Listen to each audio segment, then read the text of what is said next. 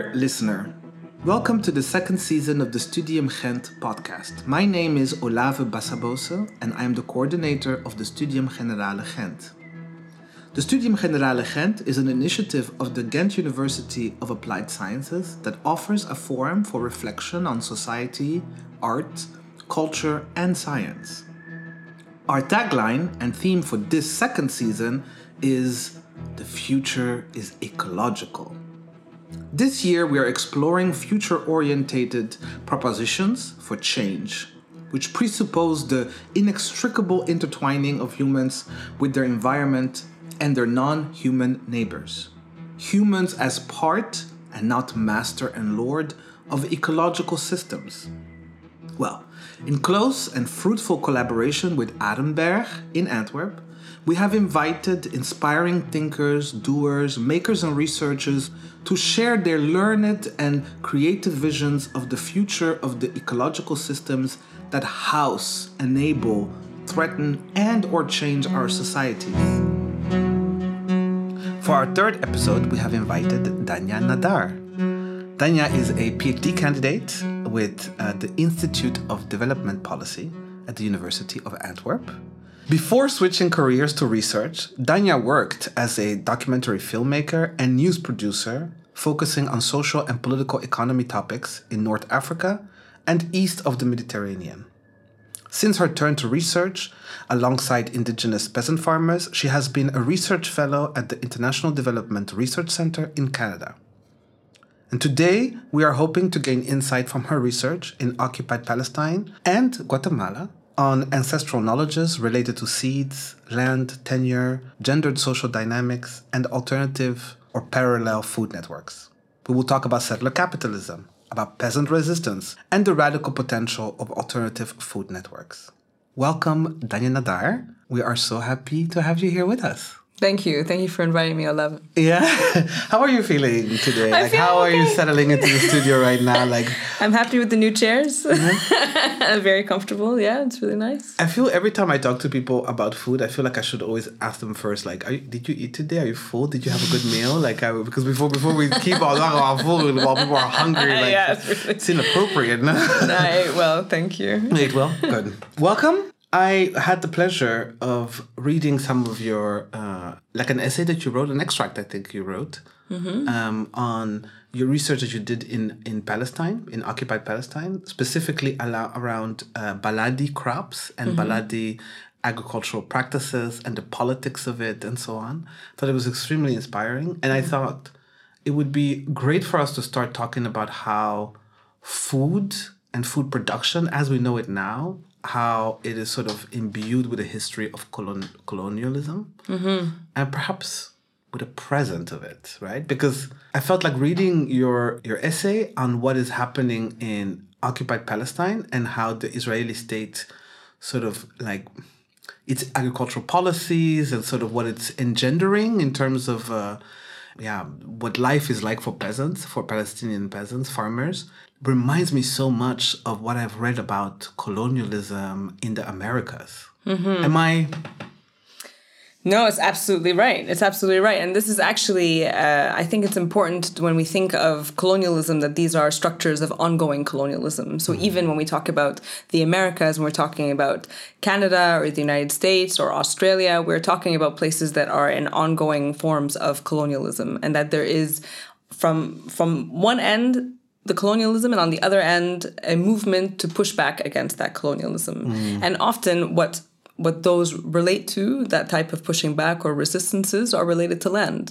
So and related to relationships to land.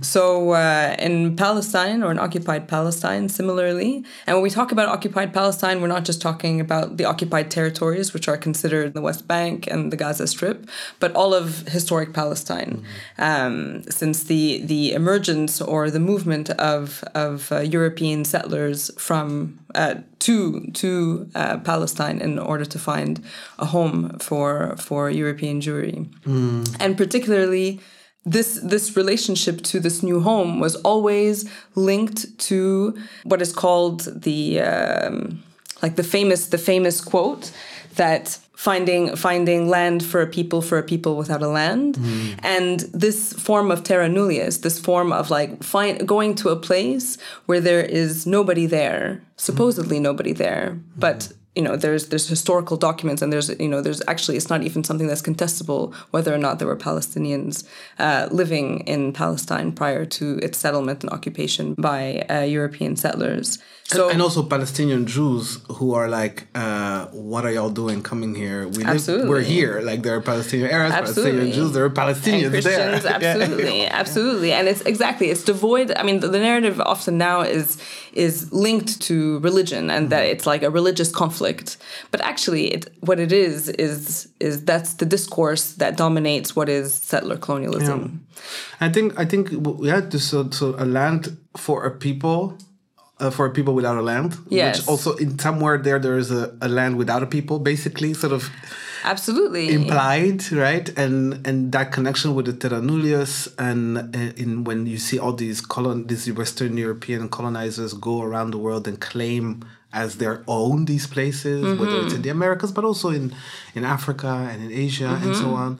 I feel like so much of this terra nullius concept involved indeed e- erasing the existence of people there, but also sort of destroying the land itself, right? Also, no. Yes, and it, and transforming its makeup or transforming its its its uh, or human relationship to land. So one, when the settlers arrived in Palestine, and which you will see, these are narratives that continue, as we said, in in other places in the world, is what is then terra nullius? It's people who relate to the land as if they are a part of this land. Like they are a part the, they are the same color of the soil. That they their dry land farming practices for example in palestine is one uh, only for their own sustenance. It is not one for what is in the late in the late uh, 1800s and early 1900s one that is meant to be for export or one t- meant to be for growth. And so this this confusion of why would you grow in order just to sustain yourselves? And only these types of crops and so what the settlers did to make new relationships or transform these types of relationships is to say okay we're going to start building irrigation canals hmm. okay? We're going to we're going to learn from what these farmers have been doing or these peasants have been doing. And appropriate their knowledge extract from them and remove them from the land which is what the famous uh, agronomist uh, Ezra Volcani did in the in the early 1900s or like in the 1913 uh, 19, yeah, in the early 1920s, let's say, um, is to have testing farms. They bought the land from underneath the peasants, which for Palestinian peasants, it wasn't a problem because the change of ownership in terms of land never affected them mm. because these lands were often sharecropped or they were often one where they were community there were communal lands where people would grow and that generations would continue growing on these lands. so when the land was purchased from underneath them it didn't seem to bother them. But mm. after eight years of this testing site of volcani's like uh, testing site and to learn from some of these peasants then these peasants palestinian peasants were removed from the land mm. and their knowledge is used and expanded upon. Yeah. And so when we talk about ongoing colonialism, for example, we can continue talking about, for example, the Green Revolution that happened in the 1960s, the transformation of seeds. Mm. These seeds who are meant to be like higher, higher yielding and hybrid and modern seeds, these knowledges came from from indigenous peoples. The mm. the seeds themselves, they are original seeds that were transformed. Mm. And the practices later also transformed, but with the intertwining and need of use of chemical pesticides and fertilizers in order for them to grow. and also having to buy the the seeds again from the seed producer, right? Because Absolutely. I think that there's a bit of confusion about this notion of genetically modified seeds in the sense that I feel like so much of history has been about, you know, genetically modified. I mean, people have done sort of selecting seeds on the basis of certain desired things for like thousands of years, right? That's Absolutely. how agriculture works, right? But what makes it so what makes it so different what we're seeing now is that it's happening in a laboratory okay sure special but they're also building into these new seed strains these hybrid strains whatever they're called that dependency on the producer of these seeds right? Mm-hmm. The dependency on pesticides, the dependency on like a lot of water use, for example. Absolutely. Um, the dependency on having to once, and sometimes even legally, you're not allowed. You ha- you have to legally go back and buy more seeds at the same period, and that's something new, right? And and extremely, yeah, capitalist. so yeah there's there's there's so there's different types of seeds let's say that exist so one that are seeds that have been that we can say sh- switches hands right? That they have as you said um, that are genetically diverse because there's been some human input and selection of what people or farmers or peasants what they wanted to receive or what they wanted to extract from these types of crops. So, for example, that they uh, they liked um, that they are drought resistant, for example, or that they grow a certain uh, in a certain color or or a certain size, or let's say this is so this is the human intervention in relationship to seeds. In or the certain night- taste, or you know. and taste absolutely taste is incredibly important actually and let's say in the what we consider now we call the global south in the 1960s there was something called the green revolution which is the introduction of these hybrid seeds which are mono monogenetic seeds okay? So it is using these original seeds or using these genetically diverse seeds and trying to to bring in several traits from for example like mixing uh, squash uh, like a, a, a, two different types of a squash in order to, to produce a third kind that for mm. example could be drought resistant and whatever. Those they require for them to continue to to grow. They require land mm. but an increased use of land mm-hmm. because of the need for pesticides and fertilizers mm. that are chemical based and you need to regenerate the soil eventually. So what has happened actually over time is that farmers end up uh, needing to to continue to buy up land around them, and this has also led to farmers who who are unable to afford, as you're talking about this type of debt, certain type these seeds who are unable to avoid afford the fertilizers and pesticides, who are unable to afford eventually with time now irrigation. Because it requires a lot of irrigation, as you said as well. They end up moving into the cities yeah. so what we when we talk about rural urban migration, when we talk about um, this this this uh, like cities growing hungry, we can always I think think back on what is the green revolution and and what the green revolution has done to change the makeup of our society. Yeah. And in terms of genetically engineered seeds or genetically modified seeds, this is something that ha- came in the 1990s, um, and this is very specific to certain agricultural corporations mm-hmm. and it is a certain type of seed that will grow with a specific type of fertilizer and pesticide. Yeah. So it is although the other ones require chemical pesticides and fertilizers in general, these seeds, these genetically engineered seeds require these specific types of fertilizers and pesticides that you typically end up buying from the same company. Hmm. And these are companies that actually own our industrial food system, that they are often involved in every aspect of the value chain. And they are specific to certain types of crops. So it's not all crops that are genetically modified. So there's about, I think, uh, 12 crops globally hmm. that are that are tested and and in the market as genetically engineered hmm. crops. But they are mostly actually the crops that we end up depending on. Um, so, for example, whether it's rice or wheat or corn or soy. And again, if we also think about agriculture's relationship to climate change, this intensification and in need of intense machinery, they are also the cause of a big part of, of what we are considering now a, a climate crisis. Because on the one hand is the use of these, you know, supposedly agricultural technologies that will feed the planet, but it's also cutting down forests in order to to be able to maintain this type of Malcolm Ferdinand talks writes about how the plantations in the Caribbean during the first wave of colonization, Western uh, colonization in the in the Caribbean area, involved really like razing the forest to the ground, like to make space for the for the plantations. So this, and you see, for example, in the Americas, the North Americas, the like deliberate, intentional sort of genocide on the on the buffalo and the and the um, is it called the buffalo? No, it's not the buffalo. It's the buffalo or the bison. The bison to make to make sure that the local native communities like their sort of regenerative agricultural practices, their culture would this be destroyed, right? And so to have also like to take a to basically recreate a whole new model of in the Midwest and like large swaths of the in of the of the North Americas make it a whole new model of like agriculture possible. Mm-hmm. You're describing in the essay that uh, you shared with me.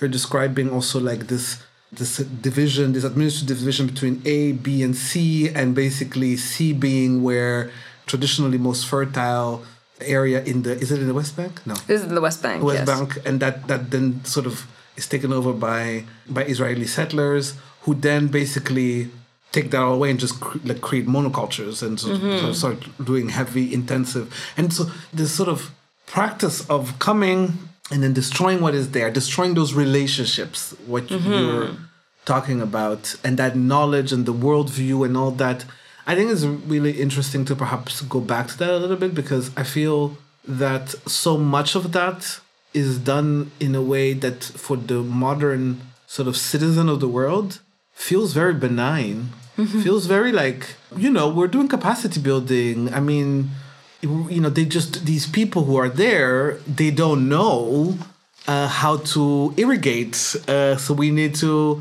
help them you know like have our young engineers from TU Delft or Wageningen University go to help them learn how to irrigate. And some of these kids might even do that on a voluntary basis right?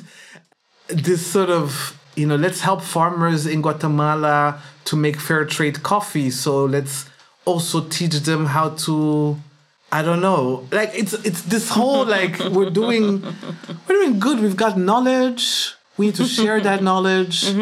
And uh, because these people are helpless and defenseless are you calling that also colonization then Yeah, and know, that's yeah. and that's a But form, we're that's nice white now. saviorism, But we're no? nice now. Yeah, but it- exactly. That's from the past, That's from the past. Yeah, we don't talk about that those people who did that meant it bad but Mm-hmm. Yeah, we're doing it but we made it exactly. well no Exactly. We have good intentions now, don't we? Right? Yeah, exactly. But we have the good intentions. And You have to do it in our way, Yeah. and we have to find how we can benefit from it. Yeah. We being us in the global north, and I say us because this is also where we are situated, and we, in some way, also benefit from these structures.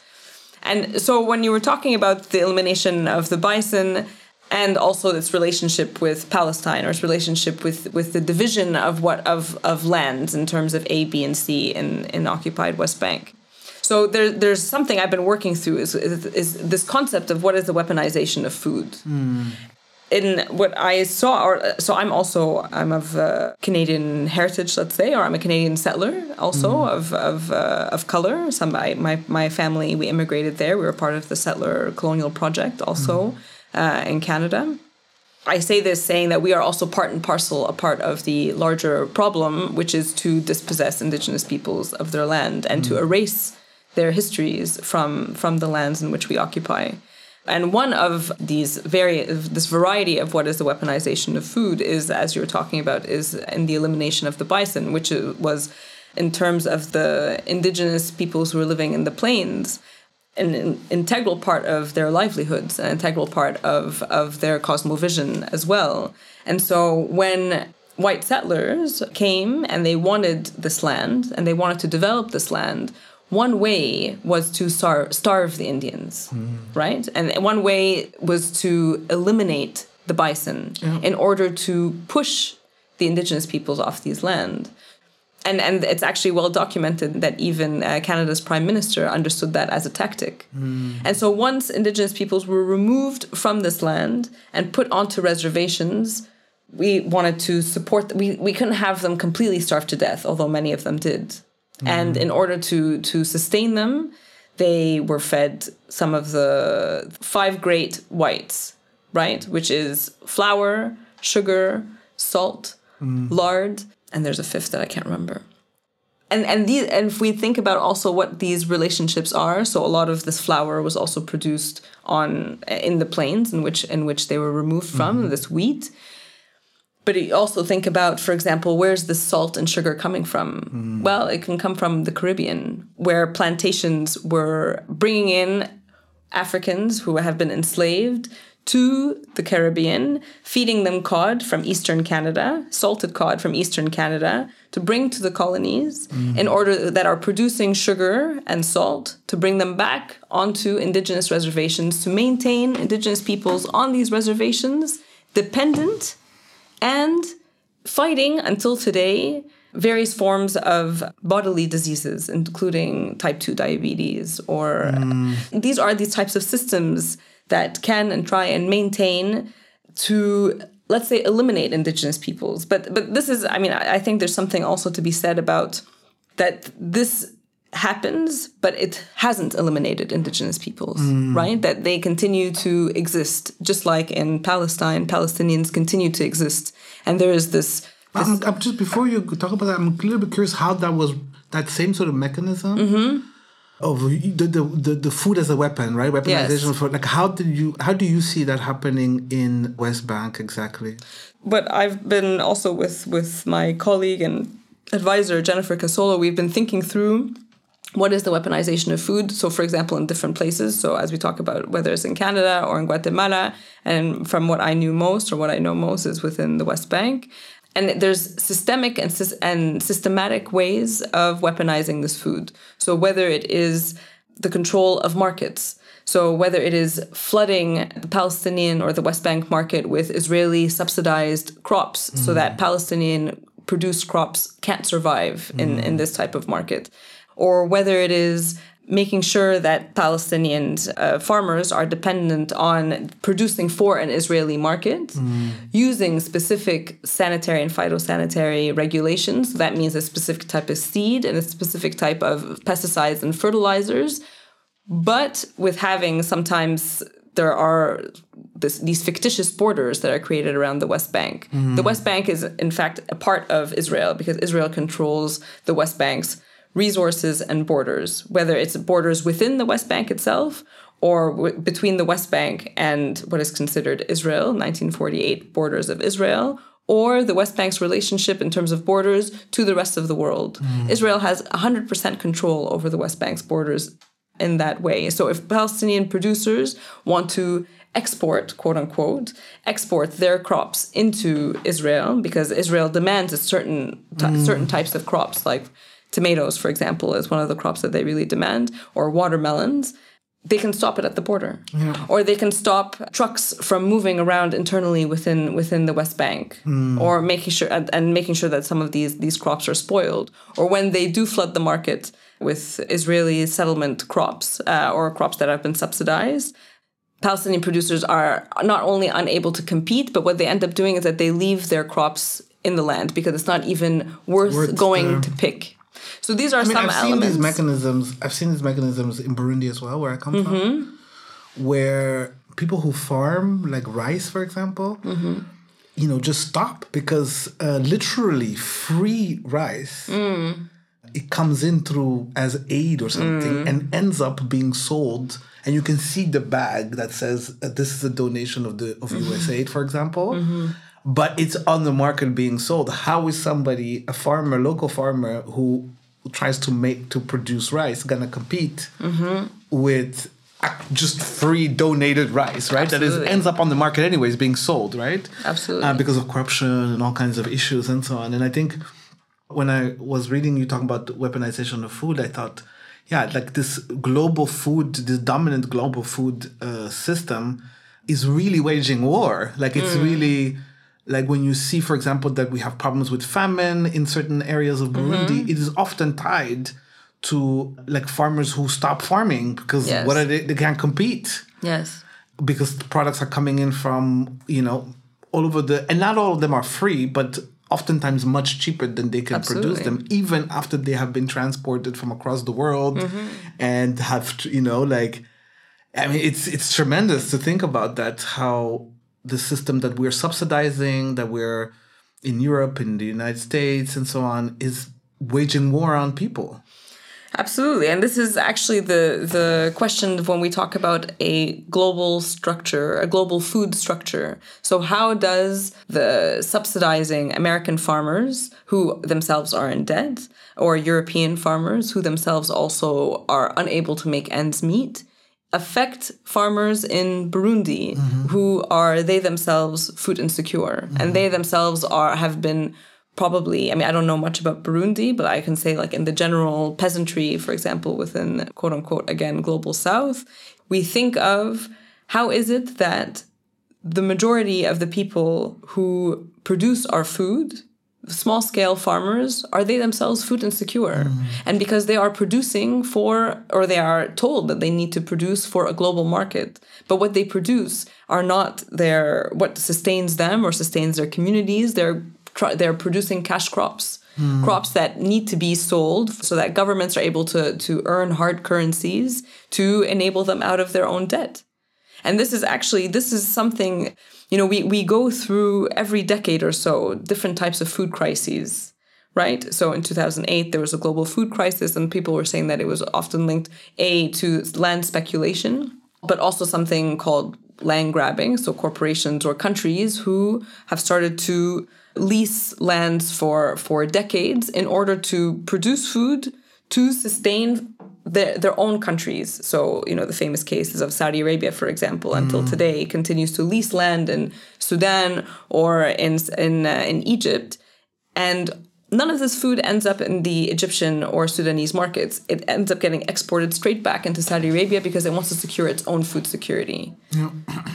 So what happens to peasant farmers around the world? What happens to to farmers who are told that you need to produce in order to survive? But this is the type of production model that you need to abide by. It's interesting because at every one of these crises, the solution is always more of the same.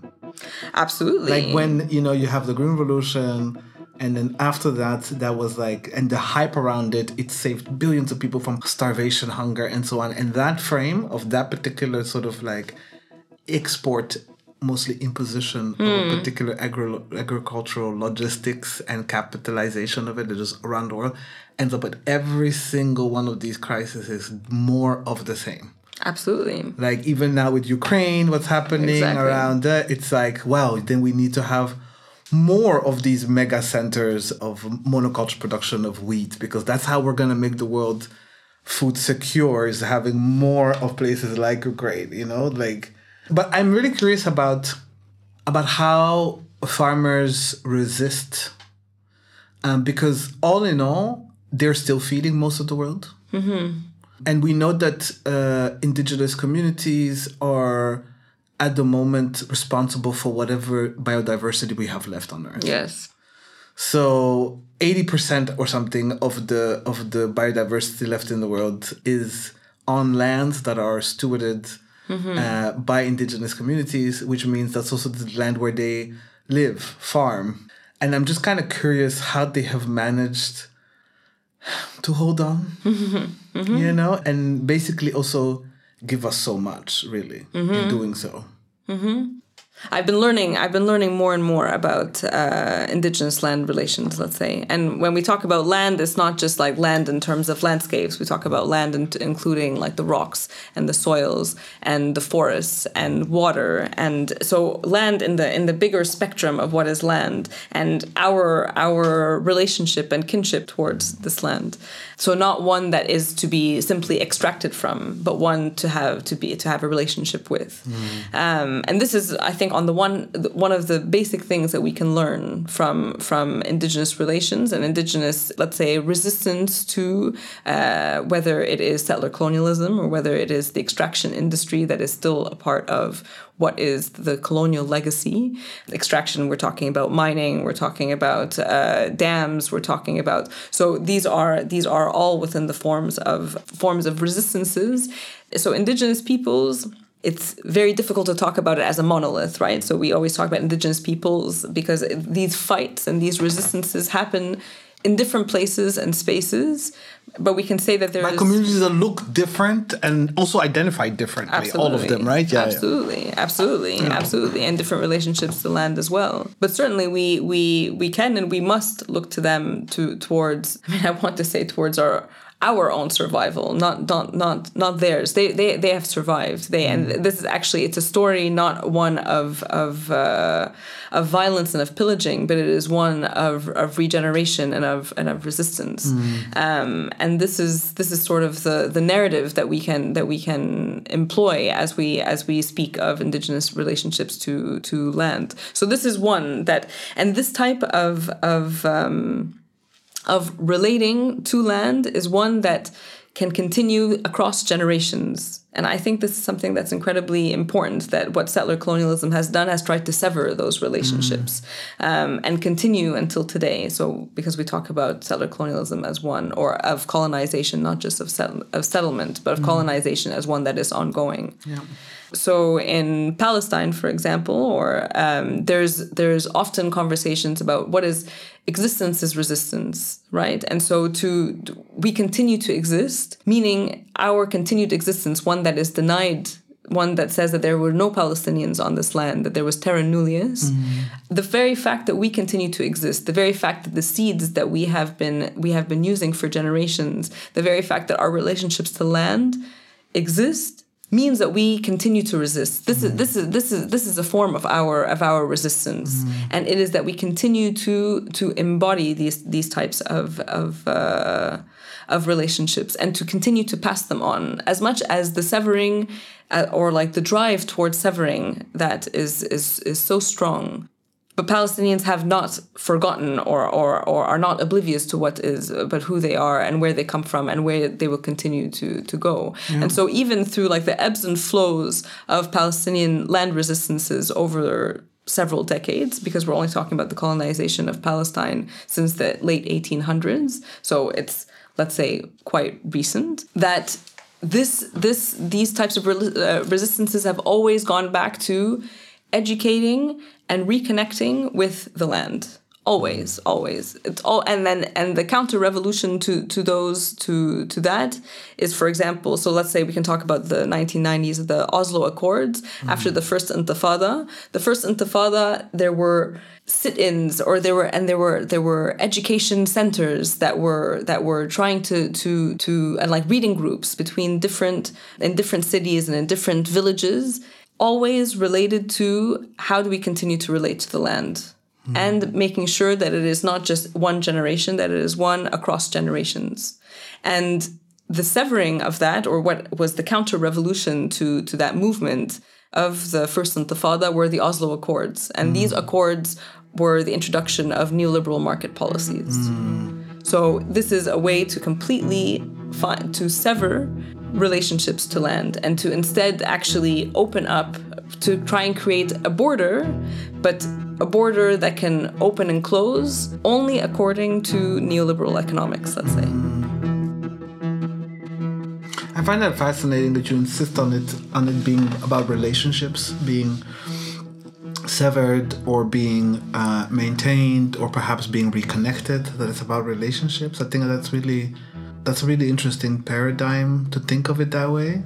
I'm I'm inspired by that. I think that it's you know when I look at how um, so much of the discussion I feel like about about ecological futures is this insistence on you know we need to reconnect with nature as a buzzword reconnect and then a lot of us who grew, grew up here in the west think okay reconnecting with nature means i don't know going to the park and picnicking there or something or doing some sort of eco tour like mm. some staying at an eco lodge whatever that mm. may mean um, and so on. And it, it feels very like some of us might go and buy organic in the stores in the big mm-hmm. stores as like i'm reconnecting or something but i feel like when you're talking about relationships it seems like so much more than um you know and and i'm just sort of i'm listening i'm thinking wow what would that entail? Like to seek to maybe here even to sort of really seek to be reconnected and develop relationships with the and what would those relationships be exactly you know? Like I don't know because I feel like for Burundians, for example, our relationship to cows mm-hmm. is is so sacred. Hmm. Uh, it's so even in our language. Like if you want to hmm. say to someone that they're very beautiful, like a common metaphor would be like their eyes are as large as that of, an, of a cow, hmm. you know? Um, or, you know, some of our traditional dancing, uh, they're called traditional as in as if they don't evolve, but like there's a lot of inspiration taken from the way that the big, big horned cows of Burundi, how they walk, how they move when they're walking, and so you see a lot of a lot of our dances involve raising your hands up to kind of like sh- you know so mimic that. We think that as very graceful and beautiful. In religion, uh, in uh, the Imana cults of yonder days before the cow. I mean, I could go on. Like cows are in everything in Burundian society, right? Like we have art forms that are based on singing to cows, or hmm. like sort of if you hear there's something called kwivuga madzina, which is like to call yourself names. Like a lot of that would now I think you would call it rapping almost hmm. like. But that's really based upon this notion of like talking to your cows as you're hmm. walking, and you have time to like talk to. I mean, a lot of stuff.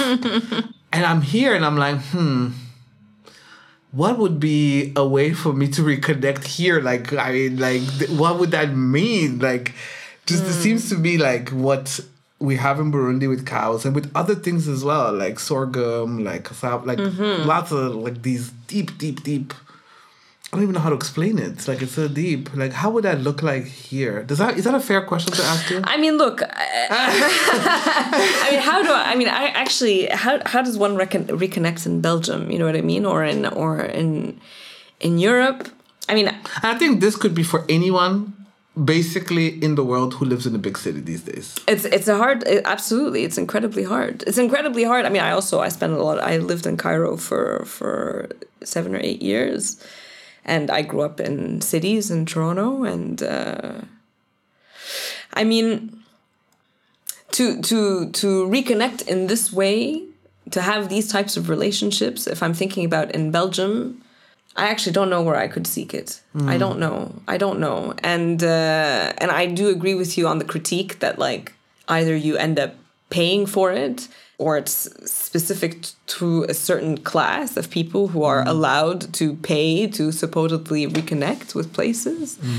uh, and spaces. And I, but I think part of it is also because I'm having I don't know I can't see myself with it as like an individual within a system. Mm. And I keep on thinking about well what what are systemic systemic ways that we can begin to reconnect. I can I can tell you maybe systemic ways of how to support farmers, mm-hmm. um, and I think and often it's buying from them directly, mm. and um, but that's also not easy. Like that also requires a certain type of class. Like I mean, mm. I don't have a car, for example. Mm. There are some there are some let's say like cooperatives or collectives that purchase in bulk from from farmers directly, and they have drop off points in different parts of the city.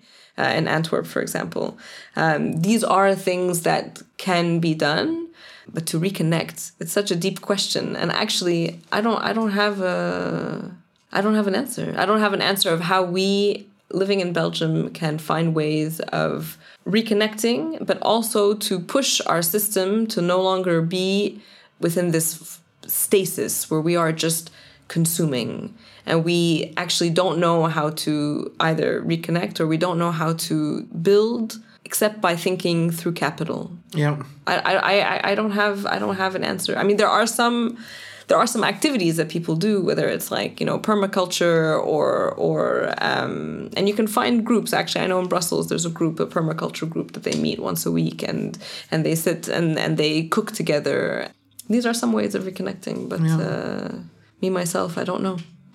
I think that's really kind of the the. um, It's really challenging because I think about it a lot as well, and I also end up always thinking of like, okay, I th- I think the best we can do is at least learn how to practice solidarity. Mm-hmm. Absolutely. You know, like because I am lost as to how indeed. It's also so much about like local agriculture and histories, and so that I don't know. Mm-hmm. Um, like a person once told me that the the Europeans before they went and did all this sort of destruction around the world of that biodiversity, they did it first to themselves. So, Sure, like the most bio non-diverse places on earth are in the global north are in and there was diversity in crops in landscapes, in cultures, in economies, in like uh, like there was it was a great diversity and sort of the move from from the feudal like nobility to the capitalist uh, industrial system, the industrialization of Europe led to this like not terra nullius but terra, terra rasa, like, right? So uh, there is a reason why uh, so much of the world's biodiversity has is gone, right? And we end up it's in pockets that are protected by people who are in resistance Absolutely. to this model because here they also destroyed it. Like there's um, you know, we kind of like talk in politics and in the media, there's always this like consternation and this sort of like exasperated sighing around uh, activist groups, local activist groups that are like will resist a highway to protect a particular type of plants or they will uh, they will go to court to protect protect a mm-hmm. particular type of rodent in an area or an insect and so on. And there's always this like these people are at it mm-hmm. again, but these people are fighting for very little that's left Right. right? Absolutely. And so I always encourage people to kind of like see if they can find ways to come up with find out about that history. Like they're introducing reintroducing the wolf, for example, in certain parts of mm. Belgium and mm. stuff like that. Mm. But again, that's all these things. But I think perhaps solidarity in how food ends up at my table. And that mm-hmm. I'm curious about. Like how do we how do we connect to the struggles and the fight that people, for example, in Guatemala, in Palestine, in you know, can we even? Is there a way to like invest in some ways into the kind of like relationships that people are trying to preserve, are fighting to preserve? Absolutely, absolutely. I think uh, I agree with you 100% that it is to to be a part of, find or build solidarity networks that are already mobilizing uh, towards uh, like in the best interest, let's say, for humanity. So, for example, you know, there's for for Palestine, there's the BDS movement. Um, but if we are to relate also the BDS movement to to Guatemala, and how do we find ways to support without consuming, without thinking that our consumption or our dollars or euros are the way to support. So it's not mm. it's not about buying fair trade. It is not about buying, you know, like yeah, like olive oil that are coming from from Palestinians specifically. I mean that could that could help, but it's also about knowing how our communities or our systems here work to endorse and to push the occupation and the continued destruction of places elsewhere. Mm. So, looking at, for example, how are Belgian companies or how is the Belgian government or how how is the EU Parliament, for example, a part of signing or ratifying um, or a part of of uh, aiding and abetting different, uh, whether it is uh, like different security companies in in uh, Israel, or supporting in certain types of of like nanotechnologies, for example, um, that are working towards the furthering occupation of of Palestinians, or of mining companies like Canadian mining companies that are operating in in the Chorti east of Guatemala. To know how what our contribution is within the global north. Although we are people of color, but we are within like our strata, our sta- our class still remains here, and it is one that we can continue to push and to fight for hmm. here socially together in solidarity with one another, in solidarity with Palestinians and with Guatemalans and with other indigenous peoples or who are fighting to remain on the land and to exist on the land globally. The BDS movement definitely, and it comes from Palestinians themselves. Who said, "This is how you can mm-hmm. help us. Mm-hmm. Like, do that." You know, it's very clear, very like straightforward. Like, you want to know how to help Palestinians in Palestine? They've told you how. Yes. You know, and I think, and I feel like the responsibility that we have, for example, people who are here who are interested in politics, who are interested in economics, who are interested in science, our responsibility to be like, hey, uh, University of Wageningen, with your great agricultural, you know, sort of know-how that you're spreading around the world as an elite institution, um, to be like, hey, we need you to, you know, uh, for example, there was there was a, a, a lecture we did with Studium Gent last two weeks ago where we were talking about agroecology, and the person who I invited one like insisted upon uh, talking about how agroecology is part of a concept that community indigenous communities have reclaimed and said, okay, agroecology in its outset as a term was born in European universities and them sort of going like, no, that word has to mean, has to mean what we need it to be, which is reconnecting to the ancestral knowledges and reconnecting to the fact that what we know about as indigenous communities, as and what our elders knew, that is what needs to be uh, the connection we need to make. Uh, so permaculture, regenerative agriculture, and so on. That these people are really insisting on it being rooted as movements and as ideas, as concepts, are being rooted into what their ancestors and what they also have been practicing for so long, saying like this has to be, this cannot be another new, novel, innovative, da da da da da, uh, because that is part of how this system has reproduced itself and continued to commit violence. And what was really interesting that we had a number of people reacting on Facebook and also in our emails, really angry ah. at that. Like people who are in that field and saying, no, we need like the only the reason why it's hard to sell agroecology is when people like you are insisting it's very old and ancestral. We need to insist on it being innovative, and knowledge rich, knowledge intensive, like knowledge intensive agriculture, like techno- with technologies and innovative techniques and so on, like all that language of modernity, of progressivity. Like they insisted, and these are people who are doing really important work in uh, in Ghent. Actually, it's from uh, an important research group. Uh, and they sent us a few emails very angry. That we need to stop talking about it as like that ancestral stuff is keeping the agroecological movement behind. Wow. Wow. That's isn't that incredible, no? Is it's it's these discourses, right? Mm. And we continue to to go back to actually terra nullius, mm. like and to hollowing out what is a term mm. that not to think of it as something of the past, but to think of how the past can continue to inform our future and to say we are in an emergency, folks. So look, actually, I was reading a- about agroecology today. I mean, there's something about um, using terms that can be exclusionary.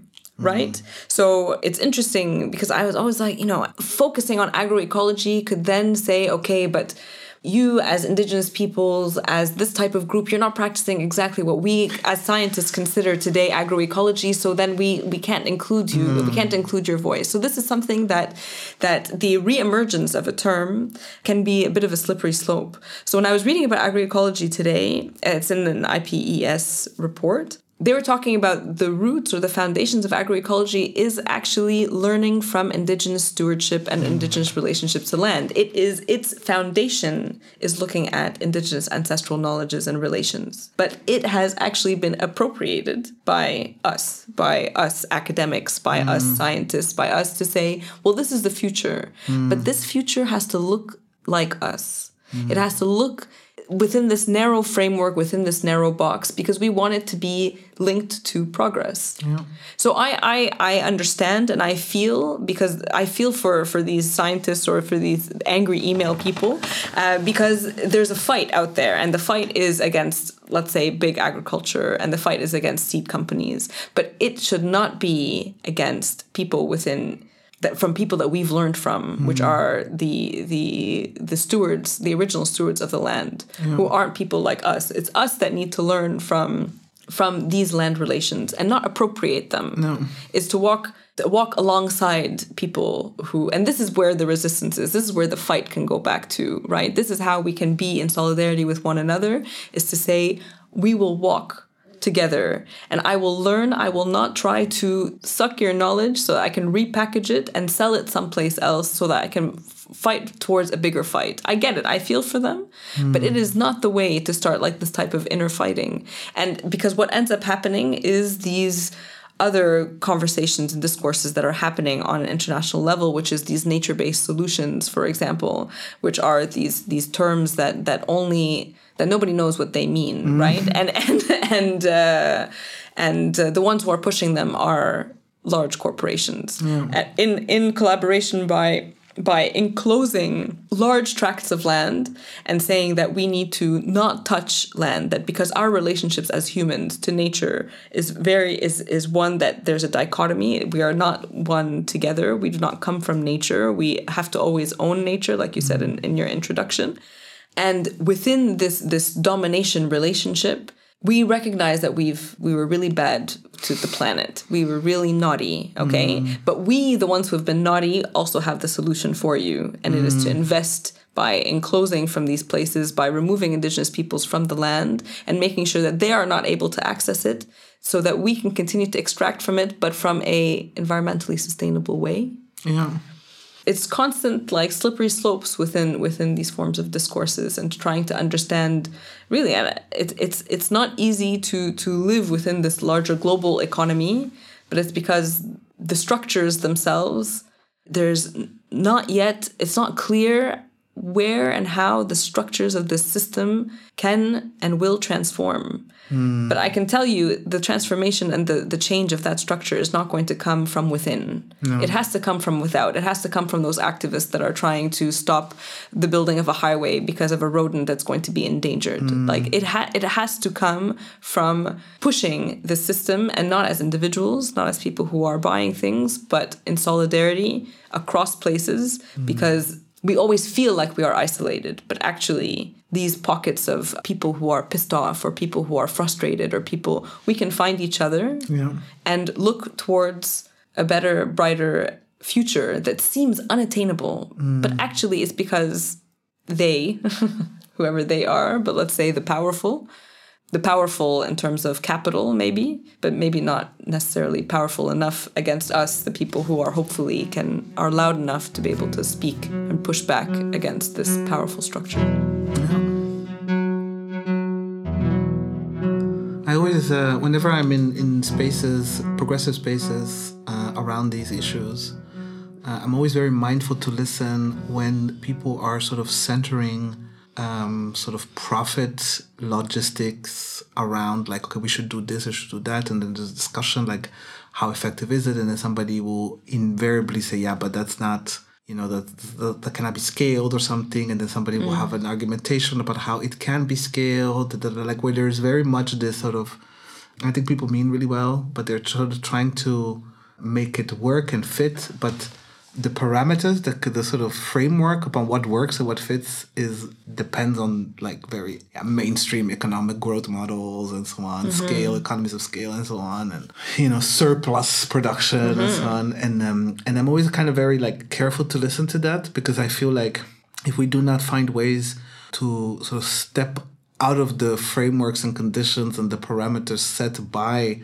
the kind of thinking and the kind of practices that has and led us here if we cannot have a conversation about sort of like should we I don't know, work towards abolishing prisons. I don't know what, what, mm-hmm. what would make sense. Like, let me put it in agricultural sense, like abolishing uh, monocultural, like the big farms here. Like, if we want to get rid of all those, mm. if we cannot have, if I'm like talking to people and it's about like, yeah, but we will have X amount of protein still X amount of you know da, da, da. it's always this like math of like how do we maintain what we've got mm. alternatively but i'm not hearing questions about for example the taste or right. uh, or like hey uh, what they have like this particular type of kale has disappeared. Like, mm. how about we reintroduce that this uh, particular type mm-hmm. of kale, and like because it's worth it for this thing to be back on our plates or something. If it's always about like, I'm like, mm, we're not getting it. We need to, you know, like if resistance is what comes first, not mm. like securing the same thing first. Right. If diversity, novelty, in novelty in the sense of like reintroducing things that have been disappeared. Mm-hmm. If that doesn't come first, if new cultural practices doesn't come first, then maybe we're gonna end up, yeah, I don't know, reproducing the same thing. It's gonna end up super expensive or super exclusive or it's gonna end up uh, monocultures. You know, like I, I, I just think that that's what I always watch out for. Is there anything you would like to give our readers who are interested in this stuff? and who are passionate about this stuff, like cues, clues as to what to watch out for. Uh, I mean, I would watch out for organic labeling, for example. Hmm. I would read into labeling practices within the countries or or municipalities that you belong to. I think there's something that there's a lot of confusion over terms or over what does it imply. Does it apply if, if I'm buying organic from Carrefour? Is it better than buying just standard regular crops from Carrefour as well? What does it mean to getting eggs from a specific farmer? What kind of questions can I ask specific farmers? This is from, I would say, the. Uh, it's hard. It's hard to, to parse through some of this language. It's hard to mm. parse through some of to live within this system and to think that the only way that we can fight back is through is using is through our dollars or through mm. or using our euros. This is, I think, the most paralyzing uh, of all. I want to tell you also at some point you said uh, abolishing prisons. It is also about abolishing prisons. Mm. It is also about I mean, I mean outside of the fact that a lot of prisons have monoculture farms and that there are prisoners that are working for practically for free uh, on these farms uh, so that we can continue to eat. Uh, I know that a lot of these structures happen in North America. I don't know what it's like in Europe actually. That there are farm uh, prisons that that have large. in tracts of- Europe, we can of land. still we can still illegalize migrants and have them work without rights in Spain, Italy, Greece, Yes. and so on. we can Yes, still do that, so we don't have to just Exactly. It doesn't need to be within the structures of what is just only a Yeah, prison, but it is also like camps Yeah. and having and actually there's uh, there's amazing research and work that's that's being that's being done on that. It's like the relationship between prison or uh, refugee camps and them being moved and mobilized onto plantations and back onto plantations so that they uh, back into the refugee camps without ever getting any papers and just being a part of this cycle. So yeah, I would think I, I I think part of it is also about reading. Like try and read as much as possible, and it's also the the the role of of people who are writing is to try and make what they write as accessible as mm. possible. So it's not always to speak from this like academic hoity-toity, you know, very highbrow level of language, but actually that that language and what is produced from the academy or what is produced in newspapers, it needs to it needs to be accessible to mm. most to be able to understand the system that we are a part of, and also and also one that we want to break free from. Yeah. Sounds like you're saying we need to develop those relationships. We need to insist on knowing what the things that we eat, what they come from, what they mean when they're called For sure. organic. It's really relationship building, really, with our food. Absolutely, absolutely. Ah, look at you, full circle.